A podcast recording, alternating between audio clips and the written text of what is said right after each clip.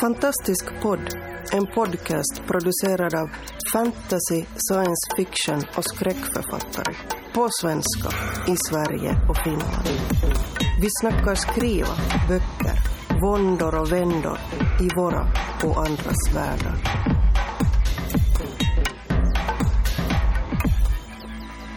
Hej alla monsterdiggare och välkomna till Fantastisk podd. Den här gången ska vi i västkustgruppen prata om monster och icke-mänskliga karaktärer och hur man gör dem trovärdiga. Runt bordet har vi eh, Paul. Susanna. Stefan. Sanna. och jag heter Fredrik som direkt lämnar över till Paul. Ja, jag tycker inte det är så krångligt i jämförelse med att skriva om människor. Typ eh, vissa människor de får ha eh, stora näsor och buskiga ögonbryn och det ska liksom visa någonting om hur de är som personer. Och det är likadant med fantasyvarelser. Eh, de har svansar och de har vingar och sånt och det säger någonting om eh, ja, var de kommer ifrån och vad de vill. För allting är ju liksom en gestaltning av vad de vill och var de kommer ifrån. Och vad de drömmer om och vad de fruktar, så att säga. Och när du säger det, var de kommer ifrån och var de vill. Eh, hur, hur, hur tänker du med hur mycket man behöver ge av den informationen? Jag tror att just vad de vill och var de kommer ifrån kan med fördel få växa fram lite längre fram. Man, det jag har upptäckt i vissa skildringar är att man väldigt fort vill säga allting för att ha det överstökat. Men jag tycker att med fördel så kan man vänta, låt folk tro att det är en mänsklig karaktär tills man får lite ledtrådar. Tills det, den hamnar i en situation där den inte längre kan föreställa mänsklig. Eller tills den måste kasta sin förklädnad. Ja men det, det är väl som vilken annan kultur som helst. Även om det skulle vara två mänskliga kulturer. Om man nu skriver om människor då. Så får man ju låta det växa fram allt eftersom. Eh, för jag, jag har i min, i min värld så har jag en eh, alv eh, som dyker upp i människornas värld. Men de vet ju inte om att hon är alv och eh, hon har ju det i sitt uppdrag att inte avslöja sin identitet då som alv. Eh, men några kommer ju kanske få veta det, eller kanske inte, det vet man inte. Men, eh, men eh, hon ska hålla det hemligt. Men har vissa svårigheter för, i hennes, ja, kan man säga personlighet så är hon väldigt öppenhjärtig, eh, pratig. Så att hon vill gärna dela med sig. Men successivt så, ja, som du sa Sanna, att det handlar väl om att inte avslöja för mycket på en gång då. Trots att Stefan, dina alver alltså är ganska pratglada. Ja, jo, men, ja eller om, om det är hon som är det. Eh, Eh, för de andra, alltså det, ja, det är ju lätt att göra en stereotyp av eh, en, en folkgrupp, alltså utifrån en person. Då blir det ju liksom eh, rasbiologi över det hela och det, det vill vi inte ha. Utan det, eh, hon ska vara annorlunda men sin egen personlighet. Och, och det var det jag menade, att man kan applicera det på egentligen alla kulturer. Det behöver inte vara med icke-mänskliga utan det kan ju vara vilken som. Ja, um, ehm, jag tänker så här, eller genom ett exempel då. En, som, en författare som gör det fantastiskt bra eh, med icke-mänskliga karaktärer är ju J.K. Rowling i Harry Potter-böckerna. Och eh, i de böckerna så har hon ju otroligt många olika typer av varelser, eh, förutom människor. Och eh, man har aldrig någon känsla av att man blandar ihop dem. Man kan alltid hålla isär dem. Och eh, eh det känns som att de har alla de här olika grupperna av varelser har väldigt distinkta drag och en, en sammanhängande historia. Att man känner att de har funnits väldigt länge och att, att de inte bara finns där och då i, i berättelsen. De har också egna begränsningar och eh, med sin, till exempel hur de utövar magi och vad de kan och inte kan. Eh, och eh, de definieras eh, inte bara genom som olika gentemot, gentemot människor utan mot varandra så att de skiljer sig från varandra. och allt det här tillsammans gör att man får en känsla av trovärdighet. Alltså att de, de finns i, det känns som att de har funnits länge och hur bisarra de än är liksom, så kan hon få dem att kännas som att Ja men jag tror på det här därför att hon, det känns som att hon de inte bara liksom dök upp på sidan precis där liksom. Så det här med att de befinner sig i ett sammanhang och har ett eget sammanhang utanför den berättelsen Ja, man läser. precis. Det, det är Det- en av nycklarna till att få dem att fungera. Ja, i, i, eh, framförallt i Harry Potter-böckerna så är det just det som jag tycker är att den här känslan av att de, de inte bara är ehm, bara har dykt upp utan man, hur de agerar och vad de gör och vad de säger är de, gör de utifrån den varelse de är. Och, och också att de har sen individuella karaktärsdrag också, inte bara den liksom som den gruppen de tillhör och så. Och eh, att de inte heller finns med bara för att tjänstgöra intrigen. Och det gör att det blir en, en sorts trovärdighet i det hela. Um, hur tänker du kring det, Paul?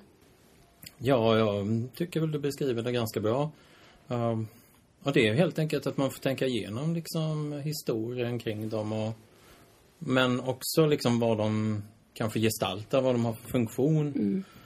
Antingen att det är en ekologisk nisch de eh, uppehåller sig i eller att de gestaltar som, mer som jag skriver då, att det är kanske sociala eller psykologiska skeenden som de, de gestaltar i mina romaner. Även om de är liksom existerar i sig. Som jag var till exempel med ett gäng stympade änglar i Borde vara död. Och eh, de, är, de liksom gestaltar någonting som finns inuti en av huvudpersonerna så att säga. Givetvis, han spelar mot det så att säga. Så det berättar någonting om huvudpersonen. Men de existerar ju också i sig eh, i berättelsen så att säga. Fredrik, hur, du har ju också... Ja, alltså, i de böckerna jag har tidigare så springer ju döden själv runt. Eh, och är en slags övervintrad yuppie från 80-talet. Men, men han är ju ändå en människa i någon mening där. Eh, och, och lite grann, om man ska outa lite grann, någonting jag jobbar med nu, där har jag en icke-mänsklig karaktär som huvudperson. Men jag har faktiskt fuskat lite grann därför att jag har låtit den personen inte veta att hon är eh, egentligen inte en människa. Och, och då, då blir hon ju en människa och, och sakta men säkert upptäcker att hon inte är det. Eh, ofta är det ju det här att man kan relatera till någonting också som gör det. Och, och det kan man också använda sig av, tycker jag. Sanna, Sanna vad säger du om det? Eh, Jag tror att det är mycket... Det är en fördel om man gör en icke-mänsklig karaktär som man kan relatera till på ett rent känslomässigt plan. Och där tycker jag att det finns en skillnad i icke-mänsklig karaktär rent fysiskt och icke-mänsklig som i ohuman. För det tycker jag är betydligt svårare att skriva. Jag kan skriva ett, en sympatisk alv. Men det är väldigt svårt att skriva en rent igenom ond människa. Kan jag tycka. Ja, spännande. Eh, alltså, jag känner själv när jag skriver om min alv att det inte får bli, ja, den får inte bli för lik människorna för då mister den ju lite sin funktion på något vis. Eh, känner jag. Men eh, samtidigt så vet jag ju att den kommer ju ha en poäng i berättelsen men men ja Känner ni, eller när ni skriver att eh, ja, hur, hur gör ni för att skapa den kontrasten mellan människan och icke-människan? Har ni någon, något tips eller knep? Ja, jag, jag tänker, vad kan jag berätta med den här personen, eller varelsen, som jag inte kan berätta med en vanlig människa? Vilka saker från människor kan jag sätta ihop med något annat som jag inte kan sätta ihop? Ehm, som inte en mä- människa kan liksom härbärgera eller ha inom sig, Ja, så att säga. Jag håller med dig Paul faktiskt. Det som är fördelen med, eller ja fördel, men om man ska ha med icke-mänskliga karaktärer så ska man ju liksom, de ska naturligtvis ha en funktion och den bästa funktionen, eller det som man kan ha dem till, det är ju att belysa någonting hos människan. Alltså att människan kanske får, får, får se sig själv i, till skillnad från, eller ja, i jämförelsen med den, den icke-mänskliga karaktären. Att man kan säga någonting om oss som människor i den. Och det är kanske där det blir intressant när man, som du säger Paul, att du eh, använder de delarna som du inte kan säga om människor använder du till den här karaktären eller gör det med den karaktären. Så lite grann om man, om man behöver någon som egentligen bara är någon slags omänsklig mördare eller någonting sånt. Så kan man låta det vara något slags monster för att då belyser man på något vis den här omänskliga karaktären som lika gärna kunde vara en människa. Eh, förstår jag rätt? Nej. Um, ja, kanske. Nej, ja. ja, man ska ju aldrig ha en karaktär som bara en, har en plottfunktion som ska finnas där för att göra en viss syssla. Utan de måste ha, naturligtvis ha mer grejer än så. Men eh, för att gå tillbaka till Harry Potter-böckerna så har du till exempel då dementorer i, i dem som ju är en egentligen eh, är ju karaktärer men men de, de är ju verkligen inte mänskliga och egentligen är de jag tror hon har sagt att hon vill att de ska symbolisera depression. Alltså de suger ju ut allt lyckligt ur människorna. Och det är ju definitivt någonting som kanske inte skulle vara lika effektivt om det hade varit en mänsklig varelse. Så, och de, de är ju nästan det mest skrämmande man kan läsa om, tycker jag. I, i det att de är så omänskliga. Och att de, de säger någonting också om allting.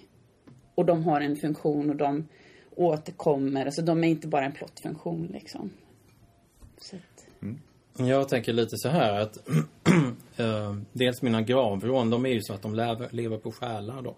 I den här Borde vara död och eh, då, har, då ger de mig en de tar sig in så att säga i en annan person och liksom drar fram det mest mörkaste så att den personen blir självdestruktiv. Och då ger det mig en möjlighet som författare att gå in i ett gäng personer utan att behöva ha dem som huvudpersoner. Men gå in på deras, ja, det djupaste i dem. Men det är ungefär samma sak som Nen Ormes till exempel har i sina särskildböcker. Att hon, hon kan liksom dra in andra personer, vad som händer dem genom drömmar och sånt där.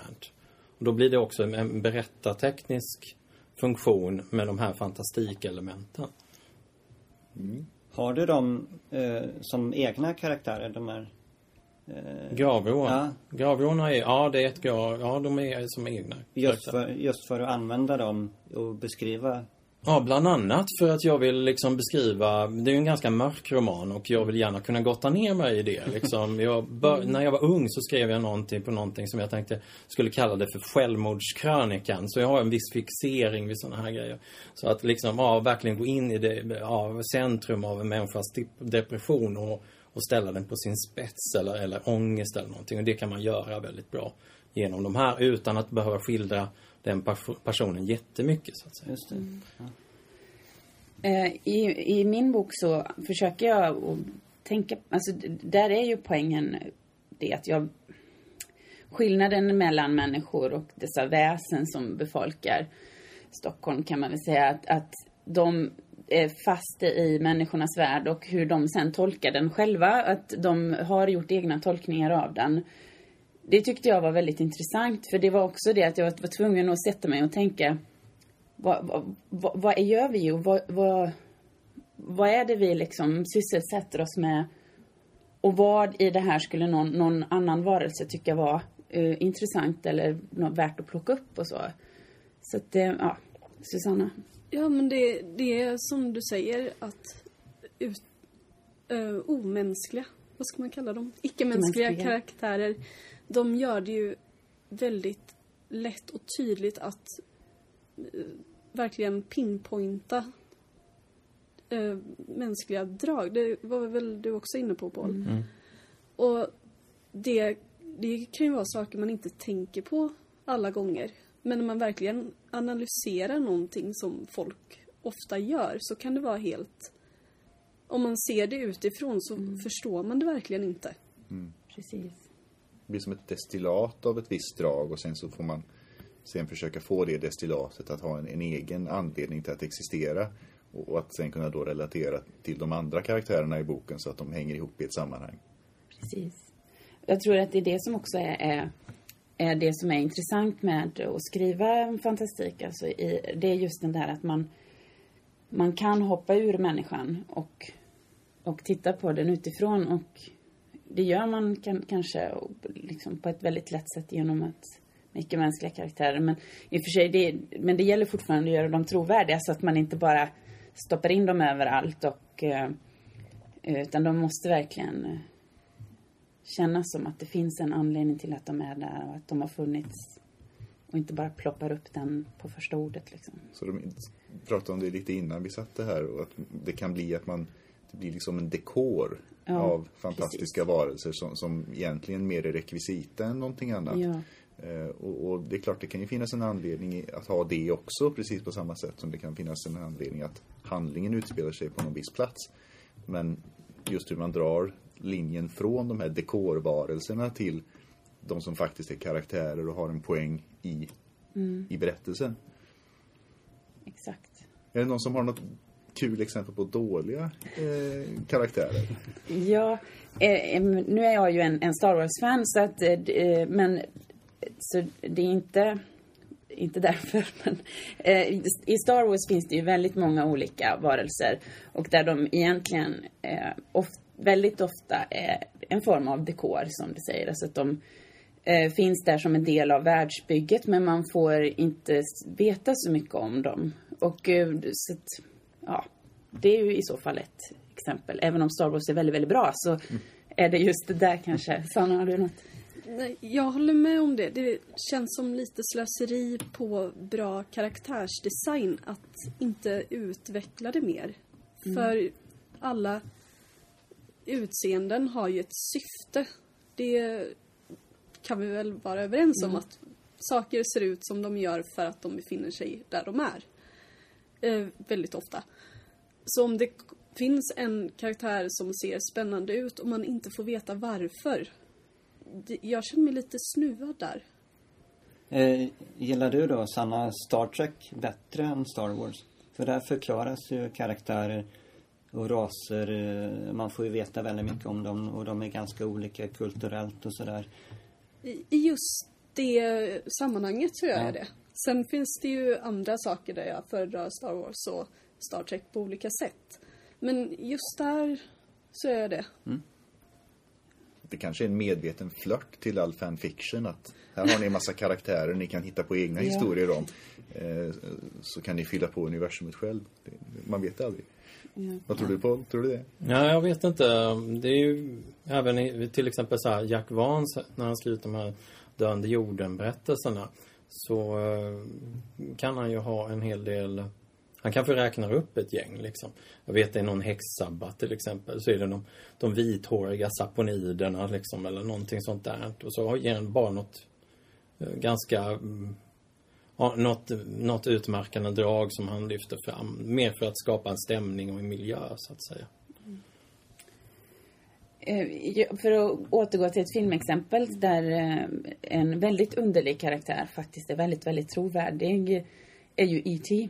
Eh, som, och det är intressant att titta på den och fundera på hur det kommer sig att vi, vi faktiskt direkt känner en, en, en, en dragning till den här jätteunderliga karaktären. Och, så. och den är väldigt skickligt skriven och väldigt skickligt gjord när man drar på känslomässiga strängar. Saker som vi förstår själva som människor som vi har gemensamt med den här underliga varelsen. Han vill åka hem. Han har hamnat någonstans där han inte vill. Och, och det är någonting som vi direkt kan relatera till. Och jag tror att det, det eh, kan vara en av nycklarna till att man eh, liksom man ifrågasätter honom inte lika mycket när man kan förstå den här drivkraften kanske. Vad har ni, någon som... En, annan sak just kring E.T. är ju det att han har ju en väldigt stark koppling till den här pojken. Nu kommer jag inte ihåg vad han heter, men de blir väldigt bra kompisar. Och det är ju också en grej som gör att det är lätt att relatera för att man ser ju deras vänskap och hur den utvecklas. Ja, jag tänkte just med IT. Dels, det är ju som du säger. Sen är det ju det här att han är både liten som en liten unge. Ja, som är. Men sen så är han ju väldigt rynkig, ju som en gammal gubbe. Och där kan man ju se fantastik, att man kan dra fram, dra ihop drag som inte hör hemma till Mm. ålderdom och, och väldigt ungdom, barndom. Liksom, Ja, I samma person, samma gestalt. Ja. Exakt, ja det är sant. Äta kakan och ha den kvar. Ja, ja precis.